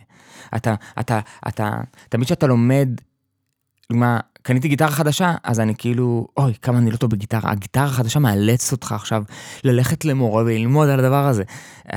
אתה לומד ידע חדש, צריך אה, עכשיו, אה, אתה לא לומד אותו רק בראש, אתה לומד אותו גם בגוף. אני, אני קורא טקסט מעולה של, של אוש או אקרטולה, או לא, לא, לא משנה מה, שרי מאגיסטה מהראז', לא יודע, אה, פילוסוף הודי. אה, אז זה כיף, אוי, אני קורא את זה וכולי בנינוחות סוף של מודעות. אבל ברגע האמת, אתה נפגש עם מישהו שנותן שירות ואתה מתעצבן. אבל לפני רגע קראת טקסט שבא ואומר שמישהו מדבר אליך, הוא לא מדבר אליך, זה לא הוא, זה איזשהו אנרגיה, ואם אתה לא מגיב, אתה לא משרשר את האנרגיה הזאת הלאה, אבל הנה, ברגע האמת זה קורה. אז כנראה, אני לא יודע, זה מאוד מסתורין, וגם אם יש משהו שלמדתי מסטנדאפ או מיצירתיות, זה לכבד את המסתורין. ושוב, דברים שחשבתי על היצירות נכנסו לי גם לעולם הזה. אז זה הרבה דברים שנכנסו, הסקרנות שלי, ומה שאני אומר לך, זה קורה גם תוך כדי, תוך כדי מה שאלתי, מה השיעור שלי. אני זוכר שהמורה שלי לכתיבה יוצרת הגיעה לבית חולים וישבנו ועשינו שיעור כתיבה. אז כתבתי, מה עובר עליי? בעצם זה שאתה כותב מה עובר עליי בסימן שאלה, אתה, המוח שם מנסה למצוא תשובה לזה. גם אם זרעת את השאלה הזאת עמוק עמוק, הטבעת אותה בתת מודע, אתה תקבל את זה בחלומות. אז כנראה החיים כיוונו מסלול, לגורל יש דרך מתעתעת להראות לך את המציאות, אתה אף פעם לא יודע, וזה מטלטל. אה, בתוך כל המקום הזה של השיעור, אני מגיע לתשובה, מגיעה מוטיבציה, פתאום אתה מבין, אה, אוקיי, יש תהליך, כמו שחגי דיבר, אמר. יש תהליך, יש פרוסס, לכל דבר יש התחלה, יש אמצע וסוף. אני יודע שאני יכול לטבל את זה במשמעת. איך אני מייצר משמעת? אני מייצר איזושהי רוח חיובית. איך אני מייצר רוח חיובית? הצהרות חיוביות. איך אני מייצר הצהרות חיוביות? אני, אני, אני קורא טקסטים טובים בבוקר. כלומר, לקחתי את כל מה שלמדתי והטמרתי. לא אכלתי את האוכל של הבית חולים ולא של השיקום. אכלתי את האוכל שאני מאמין בו, את האוכל שאני דורש בו, אה, לא תמיד הצלחתי לעמוד בזה, אלה דברים שלא תמיד פשוטים, וגם לא תמיד עמדתי במשמעת. אבל כן ידעתי שאני יודע ש... אני יודע את זה בסטנדאפ, שאם אני יושב על החומרים, או רגע עובר על החומרים, או לכתוב סטנדאפ, זה לפעמים קשה, אני לא רוצה להגיד את המילה קשה, אבל זה כאילו, זה כזה חסור, חוסר ודאות, אתה לא יודע מה, אתה הולך ליצור יש מאין. אתה עומד מול ה Word, מכירה את זה שהסמן מהבהב לך, ולא יוצא כלום. ואחרי שהיה לא יוצא כלום, יצא אות. אבל זה חשוב. אתה מבין שזה היה חשוב רק בדיעבד, אתה מבין, אה, בואנה, זה היה חשוב. זה הדבר הכי מתיש ומבאס ומדכא, ולא יצא כלום. אבל זה היה חשוב, כי זה גרם למוח שלך, הגלגלים לפעול, והם פשוט יצאו אחר כך. מכירה זה שאת חושבת על בעיה, ואת לא מקבלת פתרון לבעיה, אבל אז הולכת הביתה, שוטפת כלים, פתאום פתרון לבעיה מגיע וששטפת כלים או ניקית הבית או במקלחת. אה, לפעמים הפער או המרווח הזה. ואני חושב שקיבלתי אני מרווח של שנה וחצי בין כל הידע, לאן שאני שואף להיות ואיזה אדם אני רוצה להיות. אז כן, קיבלתי, אז הבנתי את המוטיבציה הזאת, ואז הבנתי, אה, אוקיי, ואז הבנתי, אוקיי, יש איזה תהליך, אני יודע ש... גם ראיתי אנשים משתחררים מהשיקום כזה, כזה מטפטפים החוצה אחרי ארבעה חודשים, וגם ראיתי במו עיניים מישהו על כיסא גלגלים, ואז הוא הולך על הליכון על המון, ואז על הליכון רגיל, ואז על קביים, ואז על קו אחד, ואז גם בלי קביים. לא ראית את התהליך הזה, את התהליך הזה על עצמך? אה, בדיעבד כן, אבל כשאתה שמה, אתה, אתה לא מאמין שזה יהיה לך, אבל אתה רואה את זה על כולם, ואתה אומר, אה, אוקיי, זה כמו, זה תחשבי כמו... אה, אה, הרבה, הרבה זחלים שהופכים להיות גלמים, ופתאום זה נהיה פרפר, וזה נהיה פרפר, וזה נהיה פרפר, ואני עדיין בתוך הגולם. אבל אם אני חכם מספיק, אני יודע, היי, יש פה משהו ש, שהוא גם יבוא אליי, זה איזושהי אנרגיה שתבוא אליי, וגם אני יודע שלהפוך מגולם לפרפר, זה דורש ממני לקרוע משהו, וזה דורש ממני כאב, וזה דורש ממני חוסר ודאות, וזה דורש ממני גם גישה חדשה, כי הגישה של גולם, או זחל, והגישה של פרפר, זה תפיסת חשיבה אחרת, הפרפר יכול לעוף. הזחל מעולם לא חושב שהוא יכול לעוף. זה תפיסה אחרת, וכשאתה רואה את התהליך, ובגלל שאני בן אדם מתבונן וכותב, אז כן יכול, יכולתי לראות אה, אה, תהליך. אבל רודי, אתה מסתכל על זה מגישה מאוד חיובית. יהיו כאלה שיהיו במצב גולם ויגידו לעצמם, למה הם הופכים להיות פרפרים? למה הם עוזבים את בית החולים ואני עוד לא מתקדם אה, אה, אפילו לכדי לעמוד, לא, שלא לדבר על לעשות צעד? כן, וזה, לאנשים כאלה יש לי מלא חמלה ועצבות. בעיניי זו המסכנות. אתה היית מסוגל לראות את זה כששותף שלך לחדר השתחרר, עומד על הרגליים, הולך, אתה היית מסוגל לראות את זה שאתה גם תגיע ליום הזה? כן, ואני אגיד לך עוד משהו, האנשים האלה שמשתחררים לא רוצים להשתחרר. זה גם עוד משהו. תסביר. זה כמו כאלה שהיו בכלא ומשתחררים מהכלא, ואומרים, יאללה, בכלא היה יותר טוב. כאילו, כי הם לא... כשאתה בבית חול, אני זוכר בשיקום, נורא רציתי לצאת משם, רציתי כבר להגיע וללכת, אבל יכול להיות שהגיע מועד הסיום, לא, רציתי להיות שם עוד קצת. כי זה מאוד עוטף אותך, הם אנשים נורא יפים, הם הופכים להיות פתאום משפחה. פתאום הסדר יום עוזר לך, פתאום אתה מבין איזה ריטואל טוב. אני חושב שכל האנשים שחווים שיקום בחיים שלהם, הם עוברים את הסיפור שלהם, כל אחד הוא פלנטה, כל אחד הוא עולם. כל אחד עובר שיעור בחיים שלו. ואנחנו עוברים שיעור דרך הגוף, אבל אנחנו עוברים גם דרך הלב ודרך התודעה שלנו. כל אחד עובר את השיעור שלו. ואחד השיעורים זה מלא מלא חמלה. ל... לרופאים או לאנשים שנותנים שירות. ופתאום אתה מבין, וואלה, ריטואל בוקר עוזר, אנשים חוזרים, יוצאים מהבית חולים, אומרים, בואנה, אני אשמור על זה של אני כל יום אלך, אני אלך לחדר כושר. כי כשיש לך חדר כושר קרוב, ופסיכולוג פה, בואנה, פסיכולוג זה טוב. יש אנשים שלא היו אצל פסיכולוג בחיים, אחרי עוברים תאונה, פתאום אצל פסיכולוג, ושומרים על הפסיכולוג. כלומר, אז אתה, אתה מבין שיש איזושהי, איזשהו מסלול מסוים, איזושהי דרך מסוימת, שהיא בתוכה, זה רמפות כאלה, ואתה עולה ויורד, עולה ויורד. אה, ואתה רואה אותם גם שהם לא רוצים לעזוב, הם רוצים עוד קצת. אני זוכר שאמרו לעזוב, אמרתי להם, תנו לי עוד שבועיים. כי אם אני עוזב, לא יהיה לי יותר את המתקנים האלה, כי אתה מקבל מתקנים מעולים. במרכז שיקומי, להפך מהבית שלי, יש מתקנים מעולים. פיזיותרפיסט כל יום, פסיכולוג פעמיים בשבוע, אה, חדר כושר, מכשיר שנקרא CPM שמכופף לך את הרגל, כל מכשירים, גומיות, כל מיני, הכל קיים שם. ואם אתה עוזב, אתה גם זה הולך לאיבוד. אז אתה נורא אוהב את זה. ולגבי האנשים האלה שאומרים, אה, מה איתי, זה באמת הרבה חמלה. במה אתה אדם שונה ממה שהיית לפני התאונה ולפני השיקום? Mm. אני לא יודע, כי אני עדיין מרגיש שאני בשיקום, ואני עדיין חווה את התאונה, עובדה שאני מדבר על זה, אבל אני ואני מופיע את זה. במה אני שונה? מה קורה פיזית? בוא נתחיל מהקל, פיזית, במה אתה שונה? אתה מסוגל עכשיו לרוץ מה שזה? לא, לרוץ אני לא יכול, אין לי את האפשרות לרוץ, אני יכול ללכת מהר, אני לא יכול לרוץ, לעלות ולרדת מדרגות זה דבר שקשה לי. אה, לשבת על כיסא קשה 90 מעלות. אני רואה שאתה זז כל כן, הפרק. כן.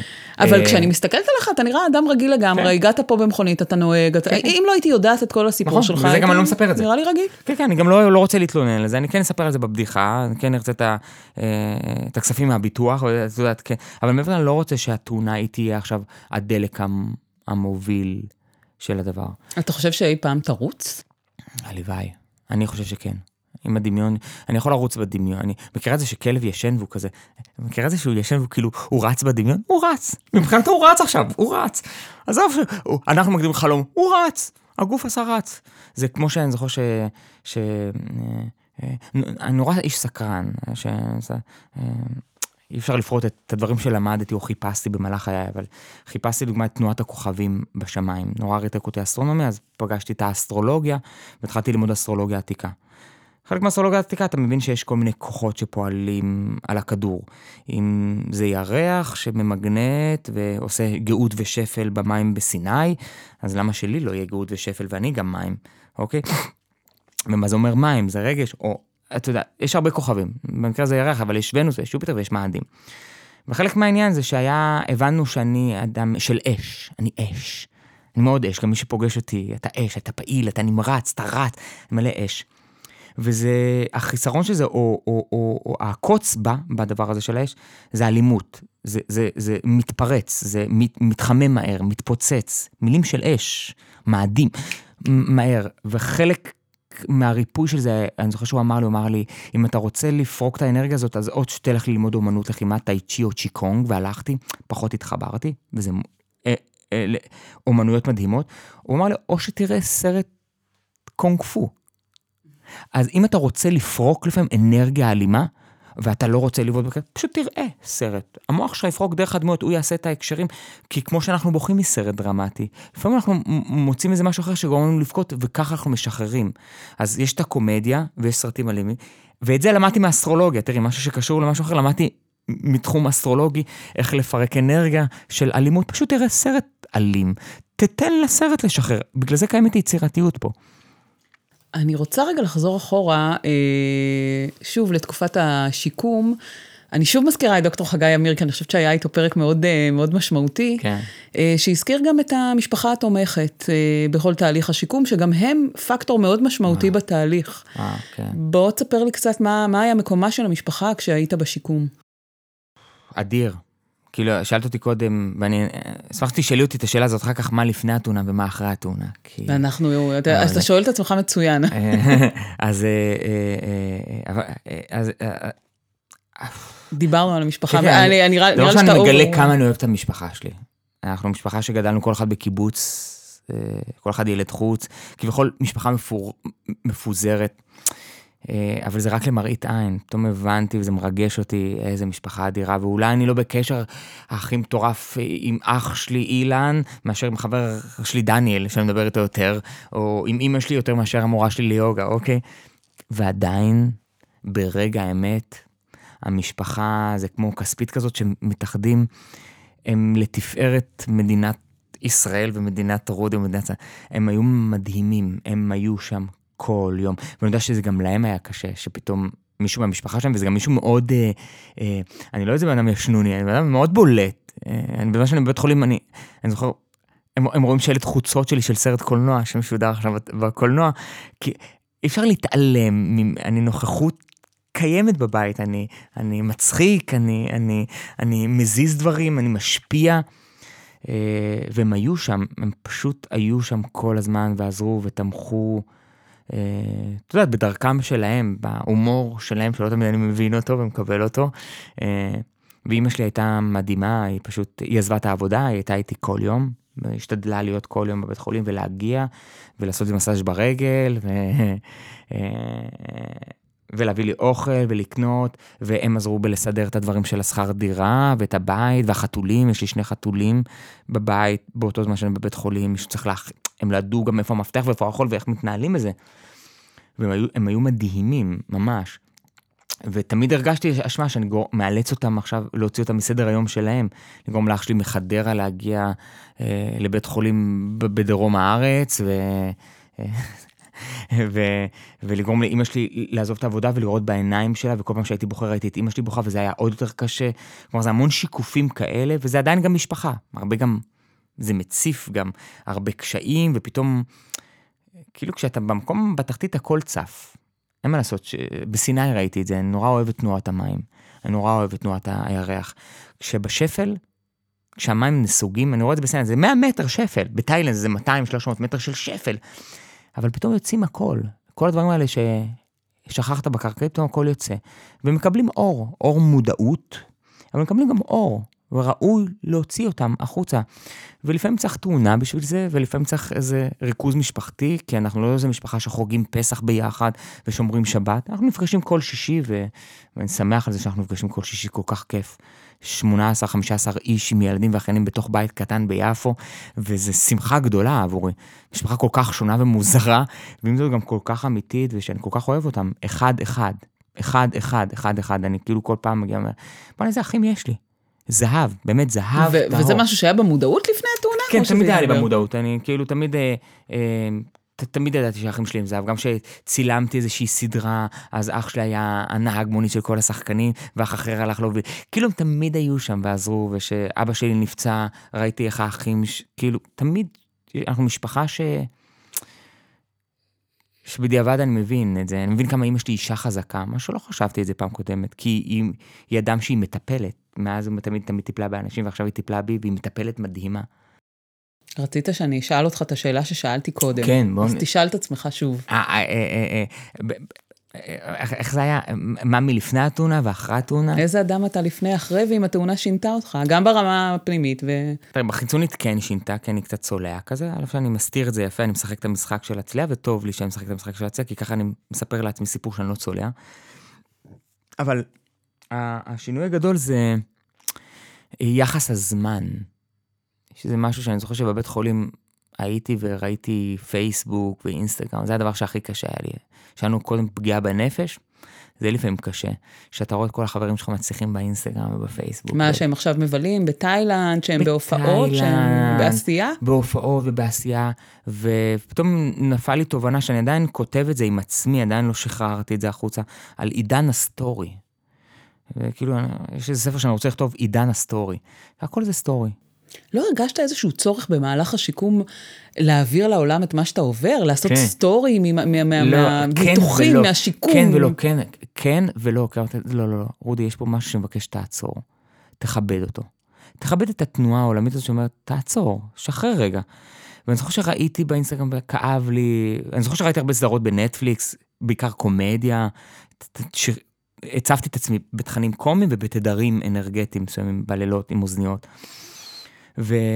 והכל סטורי. הכל... והם תמיד דיברו את זה, תמיד, תמיד דיברו על זה. אני זוכר, כל הכתבים הרוחניים דיברו על זה, שזה... אה, אה, אה, עם רגע של כעס או תסכול או כל דבר שהוא הוא, הוא צף אצלך, אם רק תנשום שנייה, הוא גם מתפוגג. הוא מתפוגג אחרי עננים בשמיים, תמיד מתארים את זה, עננים בשמיים שעוברים. המודעות היא כחולה וכל מה שאנחנו חושבים זה עננים בשמיים. ואתה רואה את זה, אבל אתה רואה את זה בצורה אה, אה, אה, גמלונית יותר וחומרית יותר, שהכל זה סטורי, אתה מעלה, זה עובר אחרי 24 שעות. איפה אני? נורא כעסתי שהפייסבוק עדיין רץ. למה לא עצרו את הפייסבוק כשרודי עבר תאונה? מבינה? כאילו, הכל רץ, הכל גלילה, הכל זורם. ואני בעמדה של עצירה, אבל הכל רץ. שימי לב, אני הייתי רץ קודם, פתאום אני עד, והכל סטורי, הכל עולה וצץ, עולה וצץ, והכל, ותשוקות, ואתה רוצה משהו, ואחרי שאתה שבע, ואתה אומר, בואנה איזה אוכל טוב, אני לא אוכל את זה יותר בחיים, למחרת אתה אוכל את זה עוד פעם. התשוקות האלה והכל צף, ופתאום הסתכלתי על מימד הזמן בצורה אחרת. ופתאום ראיתי בתקופה הזאת שהייתי בשיקום, יגאל, יגאל בשן? נפטר, לא זוכר, יגאל בשן אה, נפטר, וזה נפטר, ופה נפטר, כאילו ראיתי הרבה אנשים חיים ומתים, והכל זז ורץ, ומי שהיה למעלה היו עולה, הכל זז, כמו איזה סלע כזה שרואה את תנאי מזג האוויר משתנים, אני כאילו רק עומד ומתבונן, וזה נתן איזה משהו מאוד מאוד עמוק בתהליך הזה, בהבנה הזאת ש... של תחושת הזמן, שאם אני אצליח למלל ולהסביר את זה, אה, אני חושב שזה גם דבר מרפא. אה, ההבנה הזאת ש, שזמן מרפא באיזושהי צורה, וכל דבר שמופיע הוא גם נעלם, התחלה, אמצע וסוף. הכל פתאום מתחבר לי לדברים שפעם למדתי. ו... ואני פתאום מבין אחרי התאונה איזשהו מין פרדוקס כזה, מצד אחד אין, אין זמן. אין זמן. תהנה מהחיים, הם קצרים נורא, כמעט מתתי. תהנה מהחיים, תהנה ממפגשים עם אנשים, תגיד לאמא שלך שאתה אוהב אותה. יצא לי להגיד את זה פעמיים מאז. למה לא אמרתי את זה כל יום? חושב, לא... אתה מתאר פעמיים כאילו זה משהו מאוד אה, תדירות לא, גבוהה, לא. לא, אה, זהו, כי אין את זה. או, או, או, או מתי פעם אחרונה, אין זמן, פתאום יבוא יום וזה פתאום ייעלם, וזה ייגמר. אפרופו ייעלם, הרגשת היו, היו רגעים שהרגשת שאתה תיעלם, שלא תחיה יותר, שלא תשרוד את הדבר כן. הזה? כן, אבל, רגע, אני, אני אסיים את זה, ואז אני אתחיל. הבנתי שדבר דבר כזה, אה, אה, אחת תאונה, אז אה, לאהוב את יקיריך. שמור על הדברים שטובים לך. תשתחרר מאלה שהם חסרי תועלת. ברוס לי פעם אמר את זה, ספוג את הדברים שנותנים לך טוב, שחרר את החסר תועלת. ואז אין זמן, ותהנה מהרגע, תהנה מהרגע, אנחנו חיים לפעמים בעתיד. אנחנו מדברים עכשיו, ואת חושבת על זה שתגיע הביתה לבן זוגך, או, או להאכיל את הילדים, ואני חושב על ההופעה שיש לי בערב. כלומר, אנחנו אף פעם לא נמצאים באותו נוכחים ברגע. עכשיו אנחנו נוכחים, כי אנחנו טיכסנו את זה מטקס. יש מיקרופונים, אנחנו בחלל, יש שקט, הטלפונים בצד, פתאום קורה הקסם הזה של מישהו מקשיב ומישהו מהנהן, פתאום הקשבה ולא עולים אחד על השני. אז, אז למדתי אחרי התאונה דבר ראשון, אין זמן, ומצד שני גם, אין זמן, תעשה את זה, אוקיי? כי, אז מצד אחד, רילקס, אחי, תהנה. אז אני יורד לסיני ונוסע לפה, ונהנה, ונהנה, אחי. כי, כי, כי אם אני הייתי מת ולא הייתי נוסע להודו, זה באסה. הייתי בעולם הזה ולא הייתי בהודו, הייתי בעולם הזה ולא עשיתי את זה, הייתי, ב, הייתי בעולם הזה ולא אמרתי לבחורה הזאת שאני נמשך אליה, כי פחדתי, אין, אין זמן, אחי, זה ייגמר. ומצד שני, אז, אז תהנה, ומצד שני גם אין זמן, תוציא את היצירה שלך. די כבר לשקוע על הספר וזה וזה, תוציא אותו, אז הוא לא יהיה הכי טוב בעולם.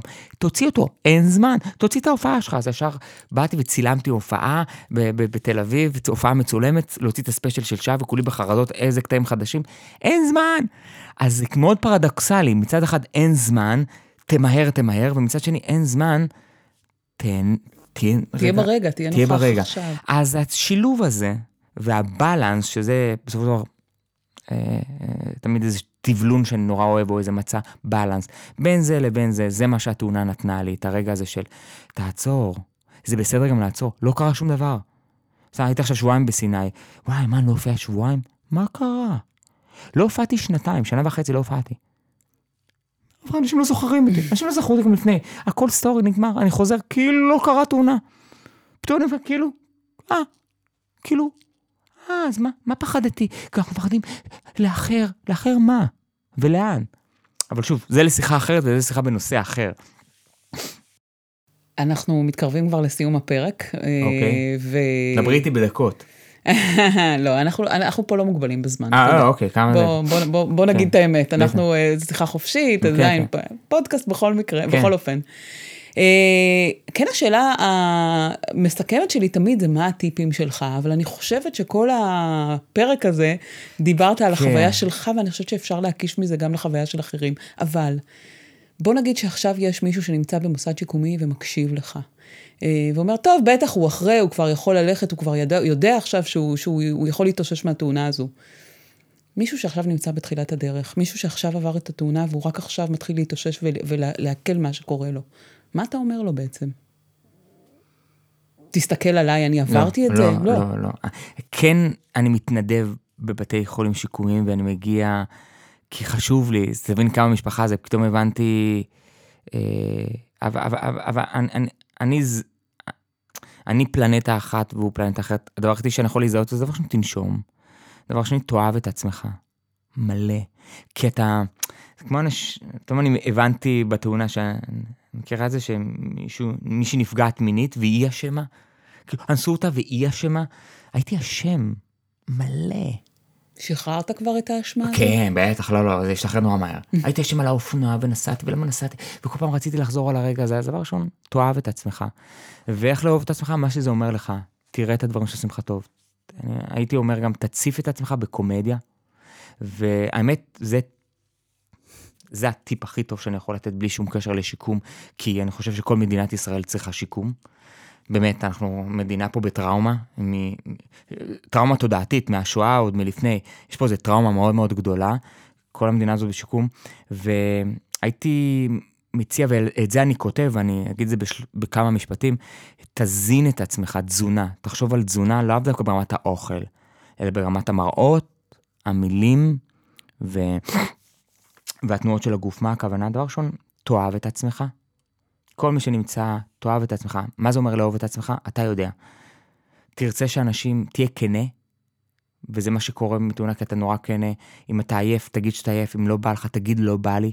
אל תשקר. אתה ת... כבר לא בקטע של politically correct, כי, כי אתה אומר כבר מה כן שאתה ולא, חושב. כן ולא, תראי, גם הסטנדאפ שלי הוא לא, הוא, הוא, הוא, הוא אני, אני, מה שהסטנדאפ שחרר אותי, הוא, הוא, הוא לימד אותי להיות כנה. שמתי לב שאני, ככל שאני כנה יותר, אני יותר מצחיק. באמת, אני יותר אמיתי, ואז גם לא נפגעים ממני, כי אני לא משקר את זה, ואני לא עוטף את זה בבדיחה, לא, אני פשוט כנה. ואז הכנות היא הבדיחה, היא, היא, היא, היא ההומור. שוב, אה, בצורה מילולית גם הופך להיות אה, אה, סיפור. אז הייתי אומר לו, הייתי אומר לא או לה, אה, לנשום, לאהוב את עצמם, להבין מה זה אומר לאהוב את עצמם. באמת, מה זה אומר? ולהזין את עצמם באוכל טוב, וזה אומר איזה אוכל טוב, זה אומר מה זה אוכל טוב. אם אתה פצוע, מה שהפציעה שלך, אם זה לי, זה היה קריאות של שירים, וזה אומר חלבונים, ומאיפה אתה משיג את המקור של החלבונים שלך. אה, אני למדתי בגלל התאונה על תזונה, אה, חומצות אמינו. הגוף שלנו מייצר חומצות אמינו, אבל חסרים עוד כמה חומצות אמינו שירקות ופירות מזינים אותך. כלומר, תזונה של אוכל שעושה לך טוב, באמת טוב, ותהיה מספיק ברור בזה. תזונה של תכנים, אל תראה חדשות, אל תיכנס לפייסבוק, אל תיכנס לאינסטגרם. גם בלי התאונה זה מדכא. כולם כל כך מאושרים שם. אה, לא, לא. תזין את עצמך בתכנים טובים. כן, כנס לפייסבוק, אבל תעשה פולו אחרי אנשים שהם הם, הם כל, כל יום נותנים משפט מפתח שמעורר בך השראה. וואלה, זה חבר שאני רוצה להיות חבר שלו בפייסבוק. לא מכיר אותו, אבל בא לי לראות שאני מגלל בפייסבוק, לראות משפט mm, זן, שאולי דיברתי אותו בלי ששמתי לב פה עכשיו. כן תהיה חבר, חבר בפייסבוק של אנשים שאתה שואף ללמוד מהם, ושהם לא מתעסקים ברכילות של הדבר, הם באמת מקדמים אותך. תזין את עצמך בספרים טובים. אני יודע שזה קשה לקרוא בשיקום, אני זוכר את זה, היה לי קשה לקרוא. בסאונד טוב, צלילים זה דבר מרפא, ובמילים נכונות ומדויקות, להיות ער למילים. ו... ואז תראה איך זה משפיע, אז אנחנו זורעים לתודעה שלנו כל מיני זרעים בקומפוסט הזה, וקורה משהו, נורא מהיר גם. באמת, בשנה שלמה אנחנו עוברים ארבעה מחזורים, סתיו, אביב, חורף, קיץ, קורה משהו, פתאום בלי תהליך שיקום שהיה אמור לקחת חמש שנים, לקח 11 חודש. אה, שוב, אני עדיין ממשיך בשיקום, ותמיד שואל אותי הרופא, איך, איך, למה לך יש מזל? אמרתי לו, לי יש מזל? תראה איך אני נפצעתי, למה לא יש מזל והוא רק חזר הביתה אחרי יומיים? פשוט תזין את עצמך בתזונה של גוף, mind ונפש ומדיטציה. אני מניחה שהוא התכוון מזל מבחינת המוטיבציה שלך וה, והרצון שלך אה, mm, שהכל כן, אפשרי. כן ולא, הוא, הוא תמיד אמר לי, גם אמר לי, תמיד אתה היית, אני זוכר שעשינו את הניתוח השני, אז אה, אני זוכר שזה היה במונדיאל, אז אמרתי לו, תחשוב מסי. אני לא חושב שמסי היה טוב במונדיאל הזה, אבל אמרתי לו, תחשוב מסי, ואני זוכר שאמרתי לו, אני אדאג לקסם, אתה תדאג לעשות את הגולים. אני אדאג לקסם. הוא אמר, תקשיב, אני לא מאמין בקסמים. וזה גם קטע עם רופאים. הם לא מבינים שיש משהו מעבר. אה, אני מאמינה שכן, כי באמת אחרי שראיינתי את דוקטור חגי אבמיר, הוא, הוא בעצם תיאר את זה כטנגו. בדיוק כמו שאתה אמרת, אני אביא את הקסם, אתה תביא. בעצם הרופא מביא, הרופא או כל הצוות הטיפולי, את המיומנות, אתה מביא את המוטיבציה ואת הדרך שלך. ואני חושב שיש עוד משהו. אני חושב שהרפואה בארץ היא, היא מתמקדת בגוף, כי אני נפצע ברגל, זה רגל. אבל יש רפואה אחרת שבאה ואומרת, רגל זה תנועה, לא נפצעת ברגל, נפצעת בתנועה. יש פה משהו קוסמי, עכשיו זה, זה נורא מוזר, כי אתה אומר עשיתי תאונת דרכים עכשיו עם אופנוע. לא, יש פה תנועה קיומית שאומרת לך משהו ברגל, משהו בהליכה. אולי זה ברך, ויש כאלה שאומרים זה ברך, זה מילה, זה אותיות, זה ברכה. אולי קיבלת מכה בברכה. תבין לאיזה טיפולים אני מביא, לא, שרופא יגיד, טוב רודי, די, עזוב. אני מחבר רצועות ומחבר את הכלי דם הזה לזה. הוא ממש כמו מכונאי. אז הרפואה הזאת היא כן, ויש גם 98 אחוזים, ואני חושב 99.9999 אחוז מהריפוי הוא פחות הגוף. הוא, הגוף הוא, הוא קצה הציפורן של גוף אתרי מאוד מאוד גדול. ו... ואנחנו צריכים לזכור את זה, ואנחנו נגיע לשם. אני לא חושב אם בעידן, אולי בעידן הזה, או שאני חי, אנשים יגלו את זה. בזמן הטיפול, זה לא היה רק טיפול גוף וקסם, התקשרתי לשמאנים בברזיל ובקוסטה ריקה, והתקשרתי לכל, אם זה המורה ליוגה, אבל התקשרתי לכל כך הרבה אנשים, מטפלים הוליסטים, ששילמתי להם אלף דולר, והוא עשה לי טיפול בסקייפ. הוא אמר, מה זה טיפול? הוא דיבר איתי בסקייפ, אמר לי, טוב, בשנה אני אגיע, אטפל בך ונדבר מחר. הוא אמר, טיפלתי בך וזהו. אבל עשיתי את זה, כי האמנתי בזה, עד כמה שזה נשמע מוזר, שמישהו מטפל בי דרך החלומות. כן, שילמתי לו. אז, זה קרה או לא קרה, העובדה היא כרגע, ואולי זה גם זה וגם זה וגם זה וגם זה וגם זה, והכל ביחד וגם הכל לא כלום, ואולי זה גם השיעור שלי. אני רואה, אני, אני רוצה לסכם את הפרק ובעצם להגיד, אני רואה שהעובדה קיימת פה מול העיניים שלי. אתה, לא רק שאתה חי, אתה גם אה, יוצר, פועל, הולך. וצוחק, אה, צוחק, מניע את השרפת בהומור. זה, אה, באמת, זה תדר. תדר, זה כמו שאהבה, אני אגיד לך משהו, אני אסיים בהכל, נכון? שאלת אותי מה הטיפ שהיית נותן, הייתי אומר אהבה. אהבה היא הדבק המאחד של הכל. אנחנו עושים את זה כי אנחנו אוהבים אחד את השנייה, ואנחנו עושים את זה כי אנחנו אוהבים את האנשים שמאזינים לנו, אנחנו אוהבים את התוכן שאנחנו... האהבה מחזירה לך, אתה נותן אחד, היא מחזירה לך כפול. אתה, אתה זורק אבן למים, יש אדוות, וכבר שכחת שזרקת את האבן, אבל האבוות נפגשות בחוף וחוזרות חזרה. בתהליך של שלושה חודשים, חצי שנה. והאבן שזרקת, אז תחזיר לעצמך את הגלים היפים האלה. איזה אבן אתה זורק למים? איזה אבן אנחנו זורקים במחשבות שלנו ובתודעה שלנו, ואם נזרוק אבנים שמלא אהבה והומור וקומדיה, ממש, קומדיה, להציב את עצמנו בקומדיה. כמו שאבא שלי רואה חדשות כל הזמן ואני רואה אותו. אני רואה אותו, אני רואה איך הוא נראה. הוא, כבה. הוא כבה מול הטלוויזיה, זה פשוט לא להאמין. ו, ומול אנשים שכמוני, שרואים רק אה, כל יום, אני דואג לראות הופעת סטנדאפ אחת. כל יום. ולפעמים אני רואה הופעת סטנדאפ, אני לא צוחק, היא רק שמה. זה איזה מוזיקה שמתנגנת שם, כמו פעמוני רוח כאלה. אז אה, אהבה והומור ושמחה. אני רוצה להודות לך מאוד אה, שבאת לפה. קודם כל, זו פעם ראשונה שאנחנו אה, מארחים מטופל. יפה, אני שמח כן? להיות הראשון, גם מטופל אחר, זה לא איזה מטופל, לא שיש לי בעיה עם אינסטלטור או טכנאי, פשוט קומיקאי, עושה מדיטציה, כלומר, כאילו מה שיפה בסיפור שאני מסתכל בדיעבד, שוב, זה גם משהו שהתבהר לי עם השנים, כי ככל שאני, את יודעת, זה כמו שאני הולך אחורה, ואז אני רואה את כל התמונה יותר ויותר, אני מתרחק מהפאזל, אה, כי לפעמים אנחנו רואים חתיכת פאזל, ואנחנו, איזה מכוער זה, מה זה, אני לא מבין את זה. אבל אתה מתרחק, ואז עוד פאזל מצטרף, ואז אתה פתאום רואה את התמונה בכללי. אה, אז אני פתאום שם לב שהחיים שלי הכינו אותי לזה, בלי שידעתי, או אם שידעתי ואולי לא, אולי כן, אולי זה אני עושה רציונליזציה ומצדיק את זה עכשיו. אה, אבל כל הדברים שאספתי במהלך הדרך היו לי ידועים בכיס. ולמזלי נצרתי אותם בליבי, למזלי כתבתי אותם בפייסבוק, את כל הכאב לב, בסיפורים שאחר כך הייתי צריך לקרוא אותם כדי לשאוב מהם השראה, והם היו המוטיבציה. אז אה, שמחתי להיות פה, לימור, תודה רבה על האירוח. רודי, תודה, ותמשיך uh, קדימה. יס, yes, אני... כיף. תודה רבה.